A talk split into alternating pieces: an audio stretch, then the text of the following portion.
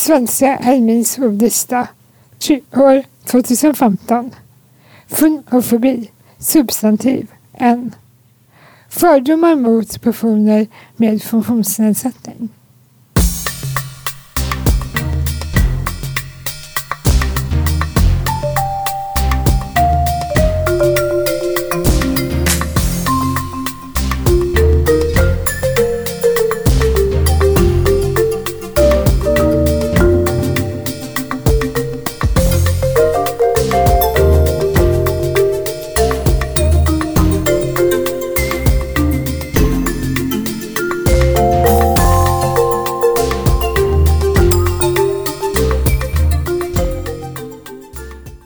Kommer du ihåg när funkofobi blev ett begrepp i Svenska Akademiens ordlista?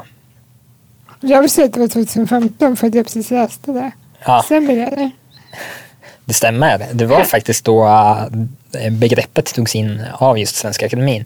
Men det kom ju faktiskt... det har ju funnits i namn. Ja, fast inte jättelänge innan. Nej, det, är det- ganska, ja. in- det är en ganska intressant historia bakom funkofobi. Tell me, tell me all about it. Är det bättre för att lyssna om inte annat? Ja, alltså jag tänker att du kanske har hyfsat Ja, koll. jag är hyfsat koll. Jag eh, skryter förvånansvärt lite ändå om det här. Ja, det vet inte. Jag sitter upp dina världar. Ja, Men du vill inte ta på dig syftet själv riktigt. nej, men jag var ju med och, eh, eller jag, jag startade eh, begreppet funkofobi som nu är med en ganska allmänt vedertaget begrepp. Ja, hur då? Du använder mig till höger och vänster. Ja, jag tänkte faktiskt häromdagen på så här, ja, men nu i dagarna, eller ja, vid inspelningsdagarna här, så är det ju ungefär åtta år sedan eh, både du och jag tog studenten. Mm. Det är ungefär åtta år sedan begreppet funkofobi också myntades för första gången. Eh, alltså tankekonceptet var ju inte, eh, ska jag inte ta all cred för. Definitivt inte.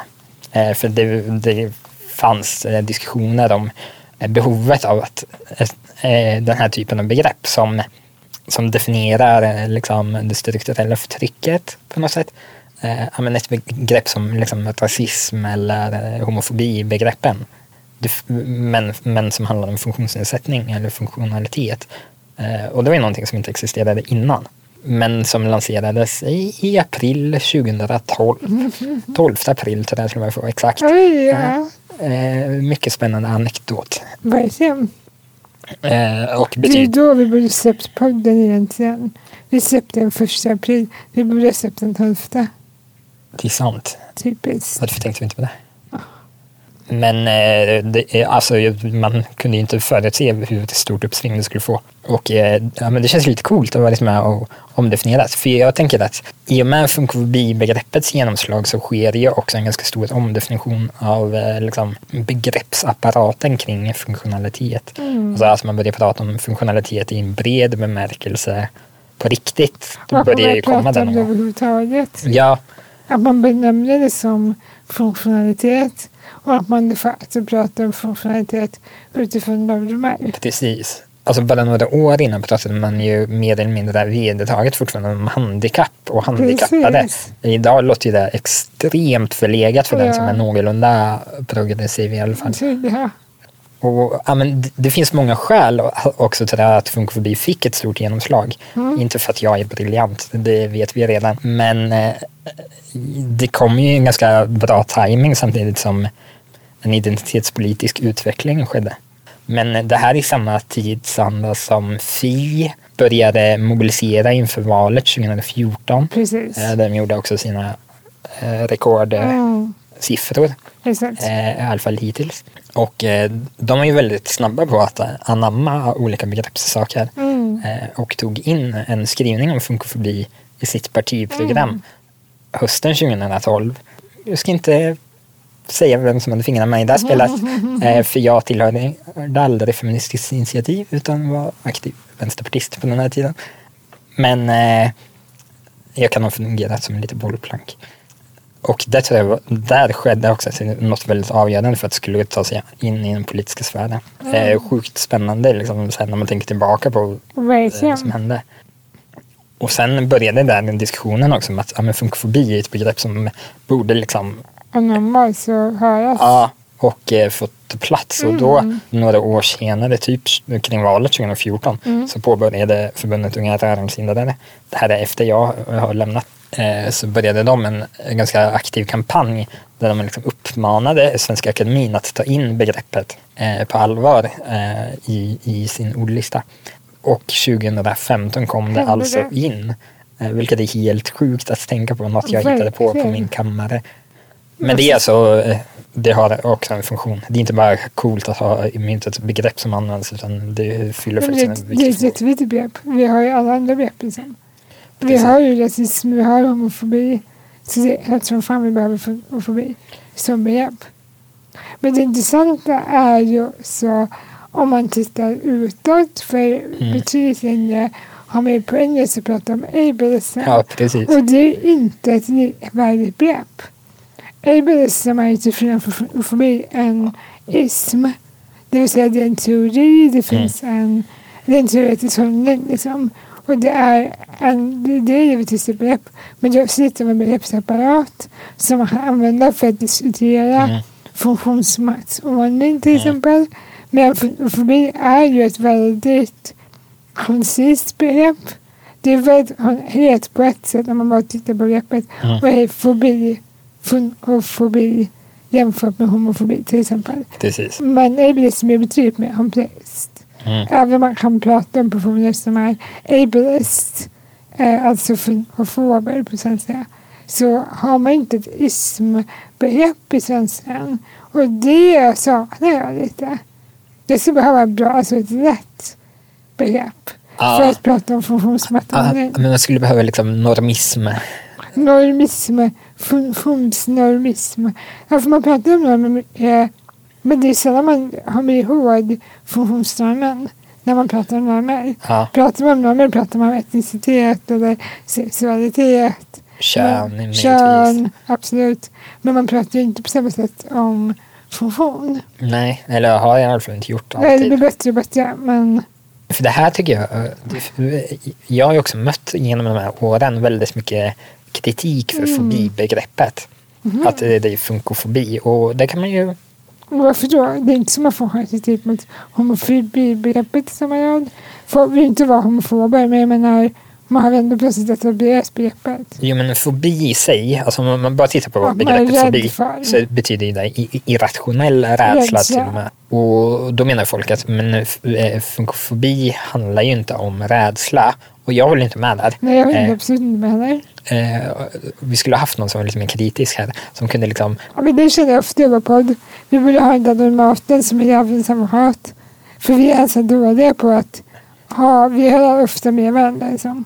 förvånansvärt ofta ändå. Verkligen. Eh, Men, eh, jag tycker det är relevant att säga men man kan bolla kring det här fobibegreppet och jag kan tänka att det är snarare tvärtom att det är högst relevant att prata om funkofobi. Ja. För att det handlar om normatens liksom, Irrationella rädsla för, för- funktionsavvikelsen Exakt. och i förlängning att bli en sån Ja. eh, som förlorar en funktion Ja, ja. och eh, blir liksom ett offer, blir, blir ett paket. Liksom. Precis. Blir en grönsak. Ja, Eh, exakt. Oj, nu upprörde jag vegetarian. Men, men det är därför jag tycker det egentligen är snarare tvärtom att fo- fobibegreppet är superrelevant. Mm. Och sen finns det något lite ironiskt över att eh, det är en med- medikaliseringsförklaring av eh, funkisförtryck. Det har inte tänkt på att utveckla. Alltså fobi är väl, för, nu bara killgissar jag, Ja, men eh, fobi är väl en, en Det är ett begrepp. ja exakt, Ja, som är snarare snuddar vid en medikaliseringsprocess än är sant. en social förklaringsmodell. Sant. Eh, där har vi ännu mer kul. tänkt på. Det var väldigt spännande. Det var väldigt spännande. Ja. Att man använder förtrycket mot förtrycket Ja, som teori typ. men förutförklarat. Det är Typ. jätteroligt. Men jag tror också det är svårt för att jag har i flera tillfällen haft i uppgift att förklara funkofobi. Mm. Vad är funkofobi? Nämn funkofobi eller funkofobiska exempel. Mm. Vad tycker funkofoben? Hade jag våras som hette. Och det är jättesvårt. Och Det här tycker jag också är jättesvårt på andra sätt. Men, eller jag tycker det är ett sätt att misshandla begreppet. Men jag har ju rent. Men ja exakt, men jag tänker att det är som alla stora författare. När man är färdig med verket så är det upp till läsaren stolkat.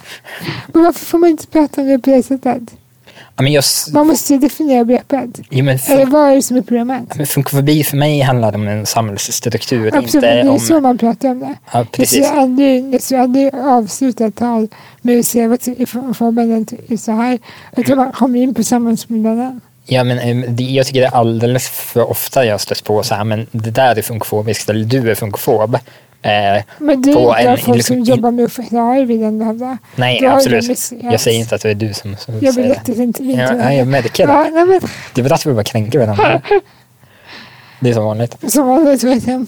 Nej, men, eh, eh, jag tycker att så här, poängen med funkofobi eh, är ju liksom samhällsstrukturen. Precis. Och jag tänker likadant med typ rasism eller homofobibegreppet. Att så här, Men jag jag kan kalla det eh, massa olämpliga saker.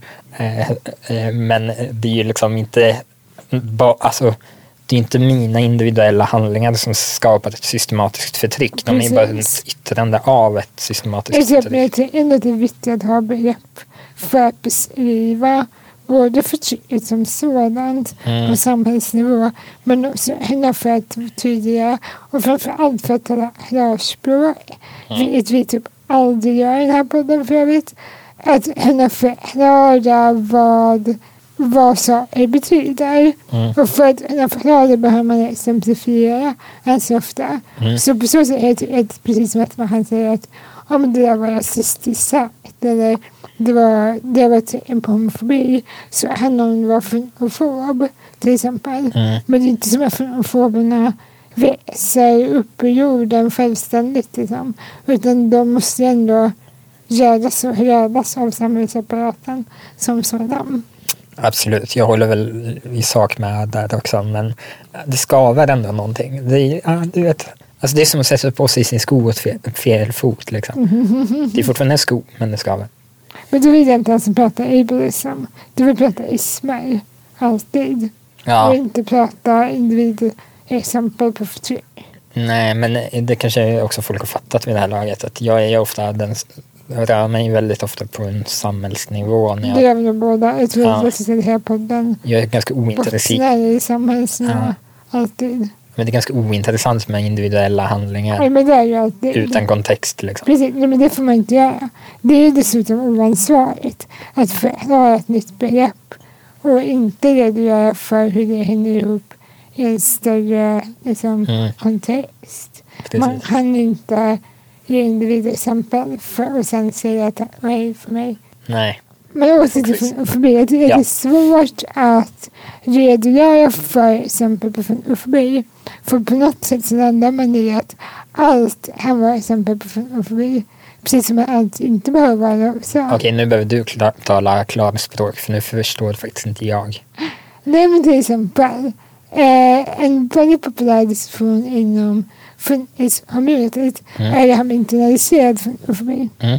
Eh, alltså fonofobi, det har vi pratat om tidigare på den också. Men fonofobi man har i sig själv som man riktar mot sig själv eller mot andra funkisar.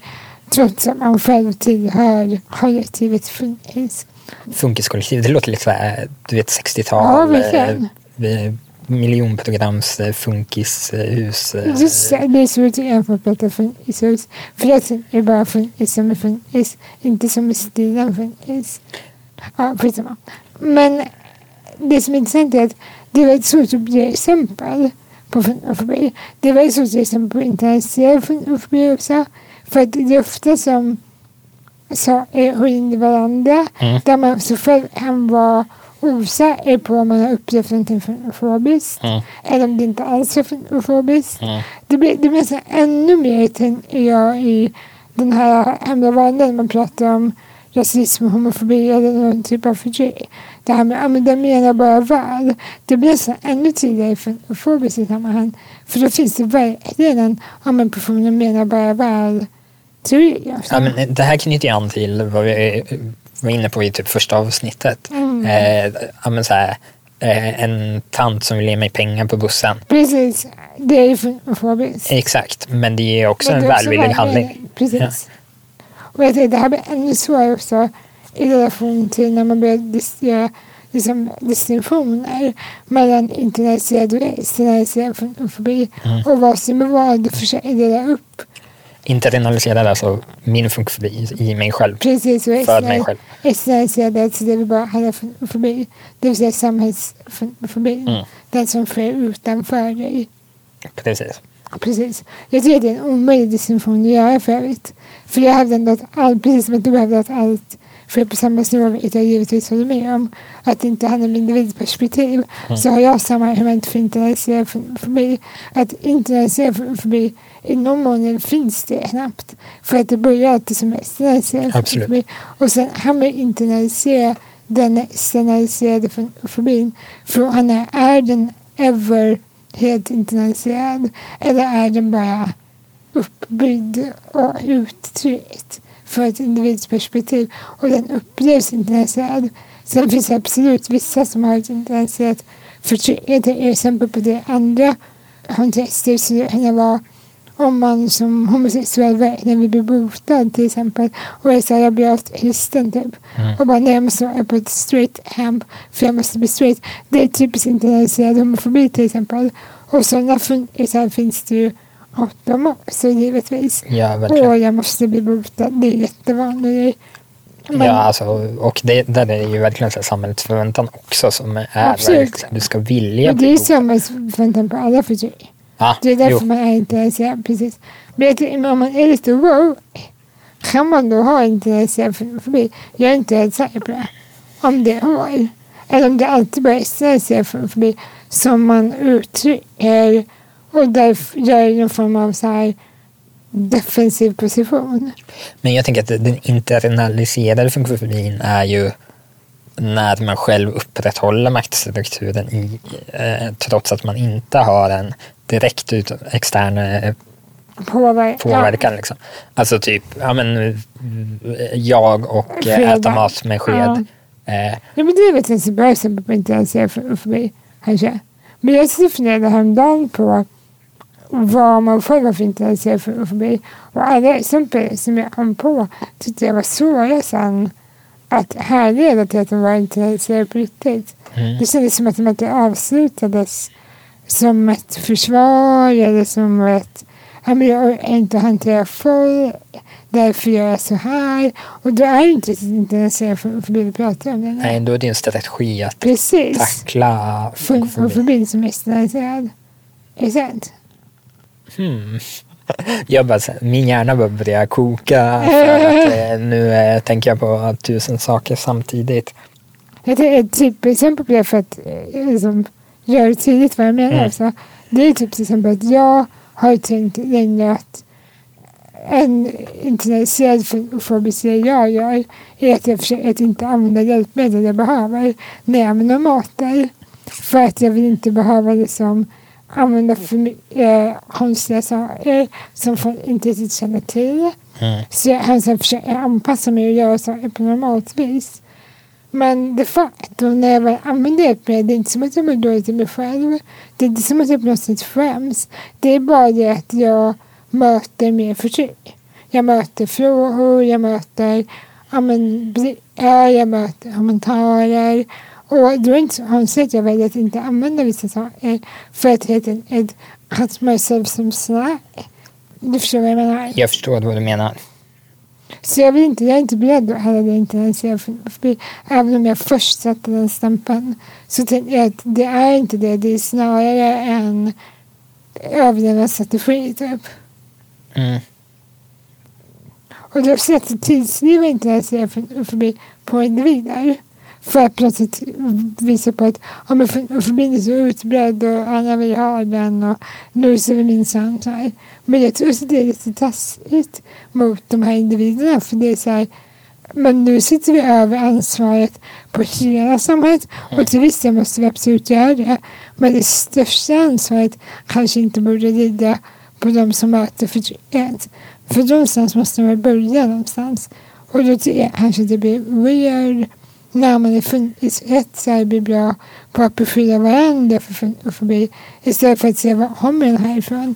Så på så sätt är jag med dig. Jag vill inte prata individperspektiv ever. Men, Men för, exakt, för då kommer det är där jag också, det är nog där min skepsis mot liksom individperspektivet och att säga, ja, men du är en funkfob Mm. är att så här, Men det förändrar ju inte systemet i Nej, grunden. precis. och så här, ja men okej, en funkofob kan sluta vara en funkofob. men det kommer ju inte få världen att Att sluta vara funkofobisk. Och här kommer ju liksom min socialism lite fram också för då ser jag att det krävs liksom förändringar i materiella grunder liksom, Mm. på ett annat sätt där man eh, omdefinierar eh, eh, hela samhällsordningen Ja. egentligen och, eh, och vad som är liksom, Men det Basen. tycker jag är det A och O alltid när man pratar om alla förtryck. mm, Och det är ju så, och som jag var inne på tidigare, det är ju huvudansvaret. Om du tar på dig rollen av att vara någon form av fobi-expert och sen utbilda andra om det, Mm. då måste du ju prata om strukturer bara. Sen precis. hade du individexempel för att få att vara med på noterna. Men du kan inte avsluta där. Du får ändå börja där tycker jag. För jag tror ändå på folk value. Och jag tror att om man har in ett rum och är så här, det här är typiskt fobiskt, då blir jag folk blir så här, oj men du, det var precis vad jag gjorde nu. Och det tror jag är jättebra faktiskt. Lite så här teach by fear. Ja, men det kan också motsa- äh, få motsatt effekt. Liksom om man är, det är ju en finkänslighet där. Du är ju Mm. lite mer finkänslig än vad jag är. Eh, jag har ju en tendens att få folk att gå därifrån och känna sig kränkt och dålig. Det är aldrig mitt mål. Mitt mål är att få folk att känna sig lite dåliga men aldrig hynta. De ska alltid du vet, här, komma därifrån känna men jag har ändå lärt mig någonting nu och det här var vettigt, det var lite jobbigt men jag fick också en treat. Typ. Jag vill få sig känna sig lite så här educated och känna att de i sin tur kan hjälpa till att göra samhället lite bättre. Ja, men här tycker jag det liksom börjar närma sig funkisfetishmen. Precis. Eller, ja, eller kanske till och med ins- mer inspirationssporren kanske jag ska säga. Mm. Eh, Men jag spelar i principationspoäng när jag jobbar för att det fungerar. jo, det gör ju inte Men det, det. Jag är- det är ju en strategi. Det är en jobbstrategi för att bli ombord för nya jobb. jag. Men jag blir också peka ut det. Jag brukar kalla mig för inspirationsporr och sen peka ut för folk när de har blivit lite Upphetsade. Ja, upphetsade. Blir inspirerat på det. Det är också lite så här, motsättningen i vad vi håller på med är väldigt mycket. Mm. Att vi har hatat på det och vi gör det Vi gör det samtidigt. samtidigt. Det alltså jag kan tänka att det är ju också största funkofoben ibland. Mhm. Och det är en internaliserad fobi som jag då hävdar inte är internaliserad. Eller vadå? Nej, men också gentemot äh, andra typer av funktionalitetspositioner. Ja, liksom, kan ju verkligen vara både ignorant och dryg och Ja. eh, ja, fan en del av problemet. Liksom. Och hurra. Ja, men eh, jag kan väl lite säga, men fan nu är ni känsliga och trots att jag... eh, Alltså så här, mot normaterna typ. Nej, mot, alla. mot andra jag lider liksom. Ja, jag förstår. Ja, men typ mot dig. När du ska suga där och jag bara, ja, men vad fan är problemet liksom? Vadå, att ha sugrör? Ja, men måste du verkligen tjafsa om sugrören Ja, nu igen? Liksom? Du fattar den? Nej, egentligen borde det vara så här, men det är klart så fan du ska suga rör. Det är liksom så här, varför har inte alla sugrör? Det borde finnas sugrör precis överallt. Och alla som hatar sugrör är liksom dumma, ignoranta och funkofober. Sugrörsdebatten är för övrigt en jävligt spännande... Eh, Den är bra, det är ett väldigt bra exempel på när det blir svårt att prata om fo- fobi. Mm. För den, den var jättestor i USA. Mm. Mindre i Sverige. ja, de var inte riktigt lika feta. Men den blev ju enorm i USA. Ja, Och det blev, alltså jag har, då har jag pratat om de Men's Women Webs som har den Youtube-kanalen. De fick, de får ju presenter Mm. från välkända. Eh, Då fick en massa followers, hur mycket sugrör som helst. Och jag blev typ kränkt åt deras värdar. Eller åt hans värdar, för hon behöver inte sugrör. Men, men han fick en massa sugrör. Och då var det, det var i välmening. Men jag blev lite irriterad för hela hans poäng var jag ska inte behöva ha med mig mitt jävla sugrör. Mm. Jag behöver ha med mig ramp, jag behöver ha med mig hjälpmedel. Jag behöver liksom i stort sett alltid ha med min fru för att jag inte har assistans. Jag behöver ha med mig allt liksom. Mm. Men ännu mer inte att man tar henne på en kärra typ. Men du förstår vad jag menar. Att så här, man behöver alltid han liksom- brukar ju dock bokstavligt typ göra det. Ja, det är sant. Han brukar ju åka brukar- efter på en skateboard. det är faktiskt väldigt roligt. Men så får han massa sugrör från sina followers Mm. för att han inte ska bli ett miljöproblem. Så det är bättre att han har egna. För det första, hur surifierar, det var bara det var miljöproblem typ. Men, men också så här, det är hans poäng var, jag vill inte behöva ha med mig själv. Precis. Alltså, så här, att han får en miljard sugrör, Ja. eller två miljarder, eller tio miljarder sugrör, det spelar Ja. ingen roll för det förändrar inte det strukturella problemet som Nej, gör att de precis. utan en fet YouTube-kanal inte har en massa sugrör. Precis, det är det också. Och det är också så här, när folk hade som jag vet inte om hur men så har man inte säga. För det gäller allt. Alltså det, Mm. det gäller verkligen allt. Och det, om jag kommer ihåg liksom, när du och jag var på den där konferenshelgen, förra året vi var på konferenshelg, Mm. eh, då hade jag med mig plastbestick. Och jag menar att jag glömmer mina plastbestick typ hela tiden. Så att de tar ju dem på restauranger och de försvinner. Jag tror jag blev av med så här fyra plastgafflar eller någonting. Så sista kvällen hade inte jag plastbestick. Så det var ju tur som fan att du köpte sushi typ. Så att jag hade något att äta med. För att jag glömmer dem hela tiden. Och det är så, jag visste jag inte med mina egna plastbestick. Men det hade inte en jättebra grej. Så jag då så här med restaurangen diskade dem så att jag kan gå vidare. Eller hur, liksom, hur fungerar det? Kan inte bara alla ha typ, inte vet jag, någon jävla alltså, Ja, men för jag menar, det man efterfrågar är ju inte så här, åh nej, alla ska ha sugrör precis hela tiden. Nej. Det man efterfrågar är att man ska ha alternativet till sugrör. precis, ifall du behöver så tror Ja. gör. Och det tycker jag, eh, ja men i Sverige har igen, alltså hela sugrörsdebaclet eh, har ju påverkat även det svenska förhållandet till sugrör har jag noterat. Även jag som inte använder sugrör så ofta. Men, eh, men om jag köper liksom mat ute så, så brukar jag be om ett sugrör ibland. Mm. Ja, men där tycker jag ändå många av de svenska snabbmatskedjorna har hanterat väl. De har sugrör som ett alternativ men de gör det inte som en standard att de stoppar ner sugrör. Så de skaffat sig äckliga pappsugrör som typ löser upp sig. Ja, men det finns bra pappsugrör. Ja. Du får sno från bion. SFB har jättebra pappsugrör. Det är bra tips för alla funkisar där ute. Pappsugrör. igen. Ja, du, vi borde bli sponsrade. Jag hade gärna varit sponsrad av SF Bio. Ja, men för jag äh, vänder mig ofta och på senare år framförallt verkligen börjat så reflektera över ja, men de ekonomiska villkoren man har som liksom funkis. Och det spelar egentligen ingen roll vad för liksom, avvikande funktionalitet man har. Allt kostar ju. Och eh, ju mer funkis man är, desto mer kostar det och desto sämre inkomst har man. Så det är liksom så här, du har högre utgifter men du har lägre inkomst. Precis. Eh, och det är ju liksom den, den riktigt skeva delen av det funkofobiska samhället på något sätt. Mm. Eh, och något som folk generellt och även liksom i den politiska, politiskt medvetna funkisrörelsen är man ganska dålig på att formulera det här. Mm. Jag ska inte säga att jag är jättebra på att formulera det men alltså, i Sverige kan man ändå få en del ekonomiskt stöd ibland. Eh, Det är ju varierande grad av enkelhet i det här. Men det finns så här, men dels merkostnadsersättning för funktions... Eh, eh, ja, men saker som kostar på grund av funktionsnedsättning som man kan få. Eh, och man kan få eh, anskaffningsbidrag för bil till exempel. Vilket man kan ha åsikter om. Men det finns ändå så här lättnader. Men ja, jag till exempel, min bil har ju- funkar ju lite sådär på senare tid. Så jag, är så jag har kollat på om, men om jag, vad jag skulle ha för förutsättningar att liksom, Köpa en eh, köpa en ny bil. Eh, och eh, då premissen för att man ska få ekonomiskt stöd för att eh, dels skaffa en bil och dels anpassa en bil eh, är ju att den ska vara i princip ny. Eh, nya bilar kostar väldigt mycket. Ja. Eh, dessutom är det inte som att man kan köpa vilken bil som helst. Nej. Utan det är oftast ganska stora bilar och ganska dyra bilar i sig. Liksom. Eh, så vi snackar liksom bilar för i alla fall 300 000. Liksom. Mm.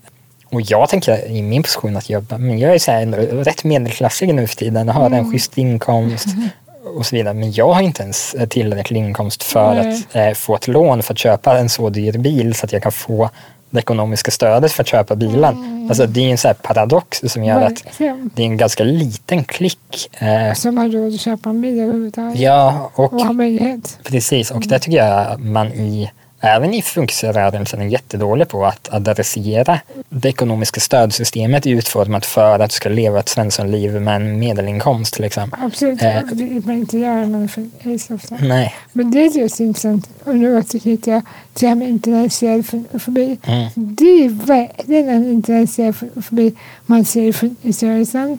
Mm. Att det, finns, det är svårt att prata pengar. Mm. Många vill prata om pengar utifrån att det finns mycket fattigdom om man är funkis. Mm. Men inte jag.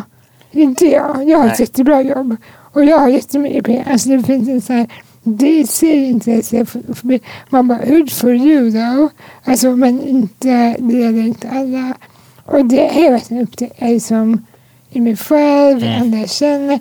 Det finns en väldigt så här, det finns en sån så här klassförakt. Absolut. Alltså, att man säger, ja men jag är minsann äh, något annat liksom. Och det är så, det är så konstigt för det är så här, ja, bara för att du hade möjligheten och jag hade möjligheten. Alltså det blir så konstigt. Och, och här blir ju det engelska begreppet ableism relevant. Ja, det, det betyder ju också liksom arbetsför i princip. Precis. Eh, vilket man då inte är om man är invalid. Precis. Eh, för invalid betyder ju bokstavligt talat motsatsen. Precis. Eh, Men det är som det här med när man pratar i, engelska om able-bodied people. ja, På svenska har vi typ översatt det till funktionsförhållande. Mm. Har om. Det är ett svårgrepp.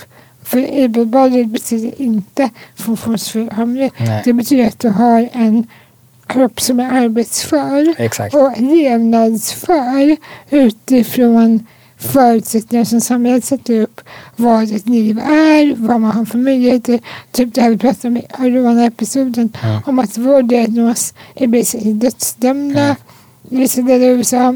Så det, då är inte vi able-bodied. För vi är vare sig arbetsföra, levnadsföra eller någonting i den kontexten. Det är så ironiskt att säga också samtidigt att här, vi är inte arbetsföra men samtidigt jobbar både du och jag hur mycket som helst. Jag vet, men det, det är mer som exempel. Ja, jag Alltså, vet. Det där är ismen liksom. Och jag tror inte vi har de begreppen i svenskan. I Nej. svenskan gillar vi att sitta och rätta ner oss i begrepp vi redan har myntat. Ja, men jag kan tycka att så här, den svenska funktionseran är väldigt, alltså den är väldigt präglad av att den också växer fram samtidigt som eh, identitetspolitiken i den progressiva identitetspolitiken Absolut. eh, är som starkast. Eh, sen finns det ju liksom den mer konservativa fascistiska identitetspolitiken som en annan gren där det är viktigt att vara svensk och nationell. Och där är också able-bodiness eh, extremt centralt. Verkligen. Alltså, det är ingen slump att nazismen eh, utrotade allt som var Nej. svagt, så att säga, i deras ögon. Nej, jag ska inte ens gå in på det spåret. Så vi låter det sista jag var på väg att säga passera och, eh, och koncentrera oss på att men, eh, det har, jag tror den liksom lite flummiga identitetspolitiken har satt, stor prägel, vilket har gjort att man också tappat bort liksom, frågor som faktiskt handlar om materiella villkor, som handlar om klass, eh, som handlar om ekonomiska förutsättningar. Det har blivit, en- det är ja, men präglat en ganska svag identitet eh, f- där det bara handlar om typ attityder snarare än faktiska materiella villkor. Precis. Det tror jag också är återigen en svår grej när man pratar och utbildar om funkofobi. Mm. Jag vill alltid få in materiella villkor, jag vill få in hela samhällsbild, jag vill få in hur, hur liksom samhällsplanering, hur den är funkofobisk. Mm. Eh, men det är väldigt svårt för det är väldigt stora samtal att föra. Framförallt om du har typ en halvtimme på dig. Och eh, grundnivån i kunskap är ganska låg. Men nu bara tänker jag på liksom så här. Ja, men för samtidigt, eh, jag kan också se så här. Eh, det är ganska fascinerande att typ den ganska amerikanskt präglade, eh, om jag har rätt, eh, du, får, du kanske har en annan uppfattning, jag vet inte. Men eh, jag uppfattar ändå att hela det able-bodiness och Mm. den begreppsvärlden är ganska amerikaniserad. Absolut. Det finns förvisso en ganska stor teoribildning även i Storbritannien kring Mm. funktionalitet men just den delen har jag uppfattat som ganska amerikansk. Och det är ju spännande att de är bättre på liksom, de materiella villkoren än vad vi är i Sverige som ändå har en, en stark tradition av eh, just att diskutera materiella villkor eh, i socialdemokratins eh, liksom, mecka. Ja, det här är Sverige är ju samtidigt, även fast vi inte fattar det, här, extremt nyliberalt. Vår, vår självbild och förståelse av världen. Om man ska titta tillbaka på det senaste decenniet som då har eh, ändå genererat hela den här begreppsapparaten så skulle jag ändå säga att det också är ett decennium där de materiella villkoren har varit präglade av en nyliberal diskurs.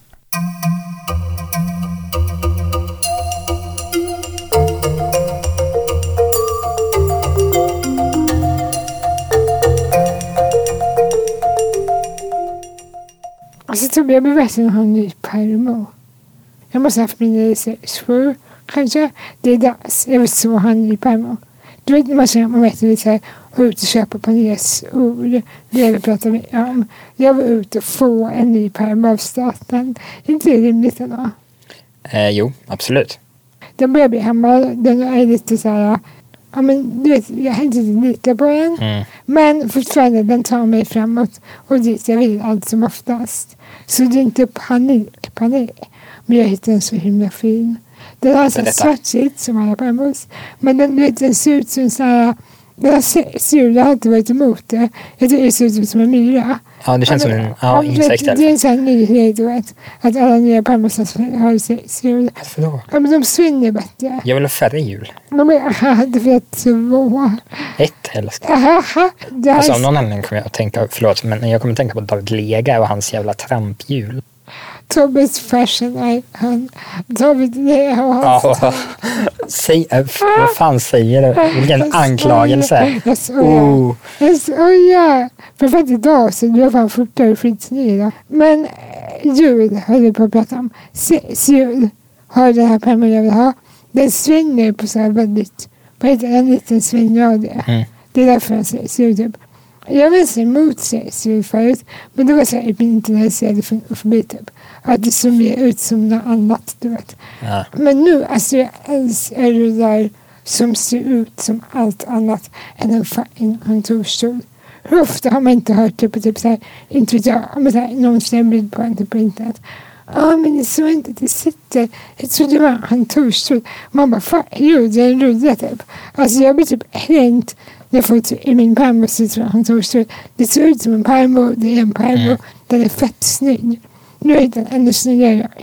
Den är svart i övrigt, men facit har ett blommönster. Alltså Så- det är ju ändå framsteg måste jag säga. Jag känns ju passar mig. För min nu är bra, den är ju rosa. liksom. Ja, och det är ju extremt ovanligt ska ja, sägas. det heter typ Popstar Pink. Hur roligt är inte det? Jag blir så Men du har också en barnpermo. ja, men, det, men jag har det bara för att jag vill ha en Pink. Man får inte vara dum. Finns det en som heter Jag är för stor. Ja, det är deppigt. Det är det som är bra med petit, vet du. I alla fall den här blommigt facit. Så här blommiga detaljer. Hur snyggt? Jag vill typ ha en. Jag vet. Så inte bara fixa varsin. Det är ganska intressant för jag, mean, i- jag vet att det här var en ständig debatt i, under min uppväxt. Mhm. Att man inte fick välja färg på hjälpmedlen. Mm, det är fortfarande en ständig debatt. Ja. Ja, ja, men jag har på senare år kanske så här, bryr mig inte så mycket. Eh, så jag bryr mig jättemycket. Mm, ja, men jag bryr mig ju om hur de ser ut när, så. Men Ja. Jag är ju lite så men jag föredrar nedtonade färger. Oftast har hjälpmedel från grunden Ja, nedtonade de är färger. typ Liksom. gråa, svarta mörkblå ofta. Ja, exakt. Och det är så här, ja, men en Ja. färgskala som jag ändå hade valt. Mm. Eh, av den anledningen har jag slutat bry mig om färgdebatten. Mm. Den är inte lika, lika aktuell i mitt liv helt enkelt. När jag var liten så hade jag en röd manuell rullstol. Eh, och jag ville absolut inte ha en röd manuell rullstol. Kom igen, vem fan vill ha en röd när man är liten? Och eh, jag har blivit uppfostrad som pojke och blått är det enda som finns. jaha, hej, Eh. hej, ja. Jag bara, va? Jag vill ha en röd. Men, Nej, men alltså f- Men jag påtvingade röda rullstol när man är... nej. Nej. Eh, nej. Så kan man inte göra. Men det var en diskussion. Länge vet jag. Mhm. Och eh, eh, för mig är det så absurt liksom, egentligen att man inte kan välja. För hur svårt är det? Det är inte svårt alls. Den här pärmen jag vill ha till exempel, den finns ju bara i svart. Mm. Men det finns ju blommigt facit. Så det, då blir det också en ekonomisk fråga. Ja. Då får du köpa ett facit till. Man bara, men egentligen, vad gör det för skillnad om man... Det har inte de ett öra Nej, att ha exakt. båda. Alltså de kanske inte är jättemöbler med, för det kanske inte är jättemånga som välja. Men det är som med min rosa jag har nu. Den var ett så här, vad heter det? Ett annat ärende. Det finns ett ord för det. Att man inte får en via hjälpmedelscentralen direkt. Utan de får förskriva den som ett utomstående ärende. Ja, det är den särskilt. inte fanns Ja, den eh, ingår inte i sortimentet. Precis. Mm. Men nu- Men så är det med min stol också. Men nu gör min det. Den finns i sortimentet nu. Mm. Men jag fick den precis innan. Det är därför jag kunde välja Popstar Pink. För den finns som nu i sortimentet. Det är svart. Jag tror det finns i lime, grönt och typ blått och någonting. Och det är jättefint med lime och det är bra blå. Det är så blåa blå, du vet. Mm. Det är inte en Jo, så- jag såg fan en, eh, ett barn eh, en, eh, häromdagen med en sån. Men jag blev vet så här, du, ja, men jag har träffat en liten pojke med lime grön och hans reaktion var helt underbar. Han bara va?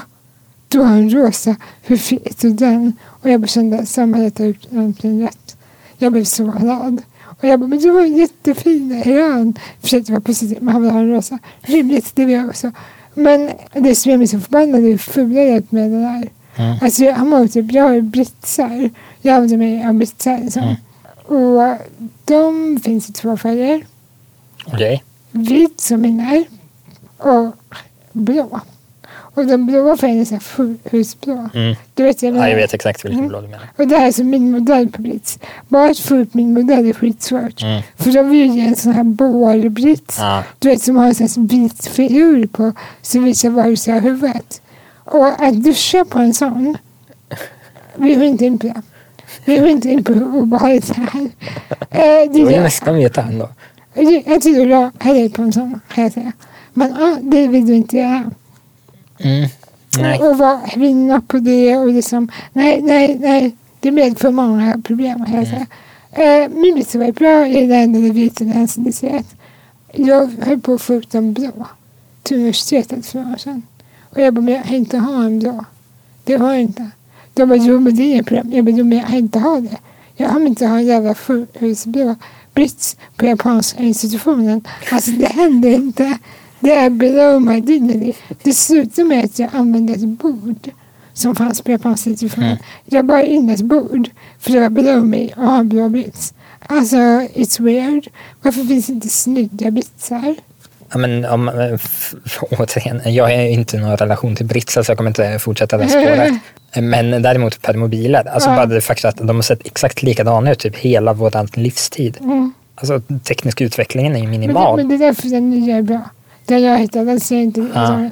Den ser verkligen ut som sitsen är som lite fristående.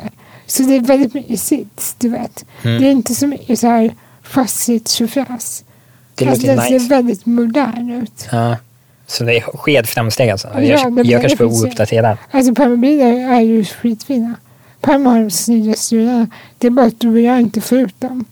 För de finns inte i sortimentet. Mm. Vi får en fula Åberg. Men för, det här är ju liksom, det tycker jag, är- jag som är du vet, insnöad på politik, ifall någon har missat det vid det här laget. eh, Så ja, men det som sker när man, alltså Hjälpmedelscentrum är ju en del av regionen eh, eller landstinget beroende på vart man bor. Mm. och eh, jobbar på uppdrag. Och det gör att de följer lagen om offentlig upphandling, vilket gör att de upphandlar ett visst sortiment, Mm. vilket är helt fucked up eh, Ja, när det gäller hjälpmedel. Man har ju Eh. för, det är som det mest individanpassade vi behöver. Precis, alltså Mm. hjälpmedel är ju så sjukt individuellt Mm. eh, och så upphandlar man eh, en typ av stol Mm. som ska liksom funka för alla. Och det är en jävla skillnad på typ eh, vad du och jag behöver eh, kontra liksom Arne, Mm. 65 som fått en stroke och väger 150 pannor. Liksom. Precis. Eh, det är sjukt stor skillnad, både vad vi vill ha och vad vi behöver. Eh, men, men den liksom saknas ju, vilket gör att typ alla, eller för min del är det typ alla hjälpmedel jag får är så kallat utanför sortimentet och då ska det genomgå en särskild byråkratisk process Ja, som du var inne på. Ja. Eh, och där kan man ibland om man är skicklig Ja. lyckas påverka och ibland eh, Precis, klart. blir man bort eh, i, i det byråkratiska systemet. Mm. Oavsett tar det väldigt mycket tid Eh, och eh, det är en jävla kamp vilket gör att man inte gärna upprepar det här allt för ofta heller. Det är så hemskt att byta permo. För att man har ju så här suttit in sin permo. Ja, Och ja. den fun- när man känner den. Så när man byter då får man som en identitetskris. Alltså jag vill ju inte byta rullar. Jag ser typ för ont för att vilja byta. Mm. Det är jättejobbigt att byta. Och det, men också, jag vill ändå ha det här privilegierade fokuset på design Mm. när jag pratar hjälpmedel. För man, det är en svår diskussion just för att det känns så otroligt bortskämt. Mm. Och sitta och prata om hur saker ser ut. När man alltså pratar om så här, alla har inte ens hjälpmedel de behöver. Och så sitter jag och har estetiska åsikter. Men jag har verkligen det. Alltså alla mina hjälpmedel är fula förutom min permo. Alltså det är så att den är mer eller mindre fula. Jag har den snyggaste britsen. Jag har en, alltså en skitsnygg Mm. permo. Jag har den snyggaste innerrullen. Men jag menar, alltså min jävla säng. Den är skitful. Typ min så här toalettstol. Den har jag i och haft i typ 150 år. Men den är också jätteful. Alltså det finns ingenting man kan göra. Men det är ju också, äh, apropå toalett, äh, Ja. stol- jag känner att jag bara, ja vi ska snacka om design på hjälpmedel, det kan vara lite pepp och kul. Och sen hakar jag upp mig på allt negativt. Äh, Ja, men det är det är rimligt. Det är. Så är jag. Är. Jag är ganska neggig. Eh, men när det gäller typ duschstolar, alltså Mm. de, de går inte ens att justera i, överhuvudtaget. Nej. Sen mobil är ganska justerbar, det Mm. kan anpassas väldigt mycket. Men kan också prata om det här du, det här du var inne på. Mm. Att typ så alla, alla funkisar har samma idéer. Mm. Det är en så utbredd idé. Så när jag var hemma hos dig för några år sedan Mm. och såg i ditt badrum eh, och toaletten Mm. så var min Astrid jättenära och sätta mig i din stol. Och jag bara don't even think about it. Och han sa men va? Den står där. Ja, har du sett mig och Tobias? Har vi samma kropp? Har vi samma förutsättningar? Och, och så säger Nu låter det som att jag är jättetjock. Nej, nej, nej. Alltså jag har lagt på mig lite förvisso, men eh, Nej, jag bara fattar det. Det är inte det jag menar. Men det, det går inte. Jag har inte använt stol. Jag skulle heller aldrig få det utan att fråga. Det var typ identitetskränkning Mm. och inte först vara så här. För det är fine. Det är med bara man tar bara hej att jag är liksom fine. ja, men jag har lånat Men- in en gång. Ja men det är rimligt. Det är Det jätterimligt. var sjukt obekväm. Ja men precis för det är min. Ja, Den är gjord för mig. exakt. Och det är ja, den är inte, för den är inte så anpassad. Jag har typ satt i en dyna eller så. Men, men ja, fortfarande. Vi har olika behov. Och då säger jag för fan med dina hjälpmedel. Det, och nu har inte du en brits, men det är fan på gränsen att jag ska använda den. Det hade jag i och för sig verkligen kunnat göra tror jag. Men det är ändå så här, det blir lite, det är weird. Mm. Jag har mina egna grejer. Om jag inte har mina egna grejer, typ som jag är hemma hos dig, då löser jag det på andra sätt. Mm. För då har jag en vana att lösa det på andra sätt. Bara man tänker tanken att man kan använda annans hjälpmedel så är jag min pärm är från borta så jag sätter mig i din då så är jag alltså so weird. Men äh, apropå det, jag har ju en sjuk fascination för andras permobiler och måste liksom pilla på Ja, deras knappar. Trots att jag har exakt samma Ja, knappar. jag vet men det är jättedumt. Ja, det är så Jag ju köra din ibland. Det är så Nej, hemskt. eh, jag vet, men eller det är inte kul för mig. Det är kul att köra din också. Men det är liksom så här, jag kan plötsligt förstå alla Som peta. som genom livet har petat på Ja. det. Alltså det är livsfarligt. Men Ja. Ja, du, när, matar Peter. Jag jag har ju fan brutit benet en gång på grund av en normat som körde. Ja, that's bad. Mhm. That's so bad. Alltså jag är fine om du petar på min permo. Jag vet För i alla fall vad jag gör. Ja, men du, dels du vet vad jag gör och dels du vet hur du kan göra på mig. Alltså det, du vet typ inte så här, äh, så det är skitfull. Alltså så här. Du förstår vad jag menar. Jag förstår. Men nomaterna ser inte om vi har balans. Nej. Det är det sa. De förstår inte att typ så här, för mig sitter balansen verkligen i millimeter. Mm. Så man kan inte bara köra iväg mig. Även om det kanske ser ut som att jag gör det hela tiden. Då är det för att det är jag som gör det. men precis. Och alltså, där tänker jag också så här. Men det här är en klassiker, Ja. du vet, eh, åh vad duktig du är på att köra. Ja. Man bara, ja, men eh, jag har också haft en elrumsstol i 23-24 år av mitt liv. Precis, precis. så, alltså, jag känner min stol ungefär som du känner dina fötter. Ja, precis. Jag har på min rullområdet. Ja, Och det jag känner exakt vart den befinner sig. Ja, och liksom. då säger jag typ, det här som måste prata om. Det här med att folk tror att permobilen är särskild från oss. Mm. Alltså min farmor, jag vet vad batterinivån är utan att titta på displayen. För jag känner hur den kör. Precis. Och jag är inte för det för normalt. Nej men den drar lite. För den ska inte göra på pappret så inte vara skillnad. Men det är det. Alltså jag hör hur den mår. Jag vet om jag köper dåligt underlag för den och den blir trött. Alltså Mm. min farmor är min själ typ. Ja, men jag hade ju en identitetskris typ i vintras för att mina batterier blev dåliga. Eh, Man behöver byta batterier ibland. Liksom. Så liksom, hela min världsbild av hur långt eh, den ska räcka höll Precis, inte. Liksom. precis. Så jag var tvungen, alltså, det var så här, mitt liv funkar inte. Eh, Min, skitjobbigt. min inre där hemma, Mm. den har slutat fungera på min vanliga hastighet. Så jag måste köpa tvåan för trean. Det har jag också.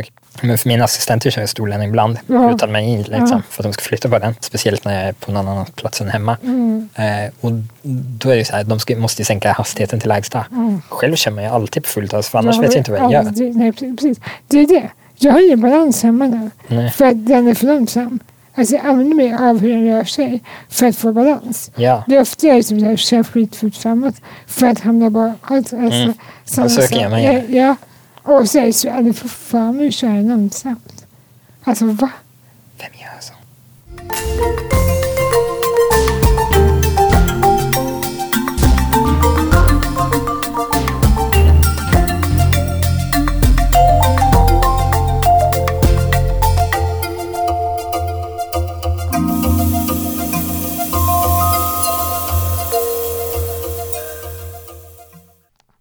Full rulle produceras av och med Emma Åstrand. och mig, Tobias Holmberg.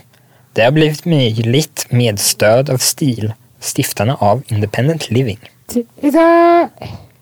Musiken görs av Anders Åstrand och ljudet av Thomas Bolin.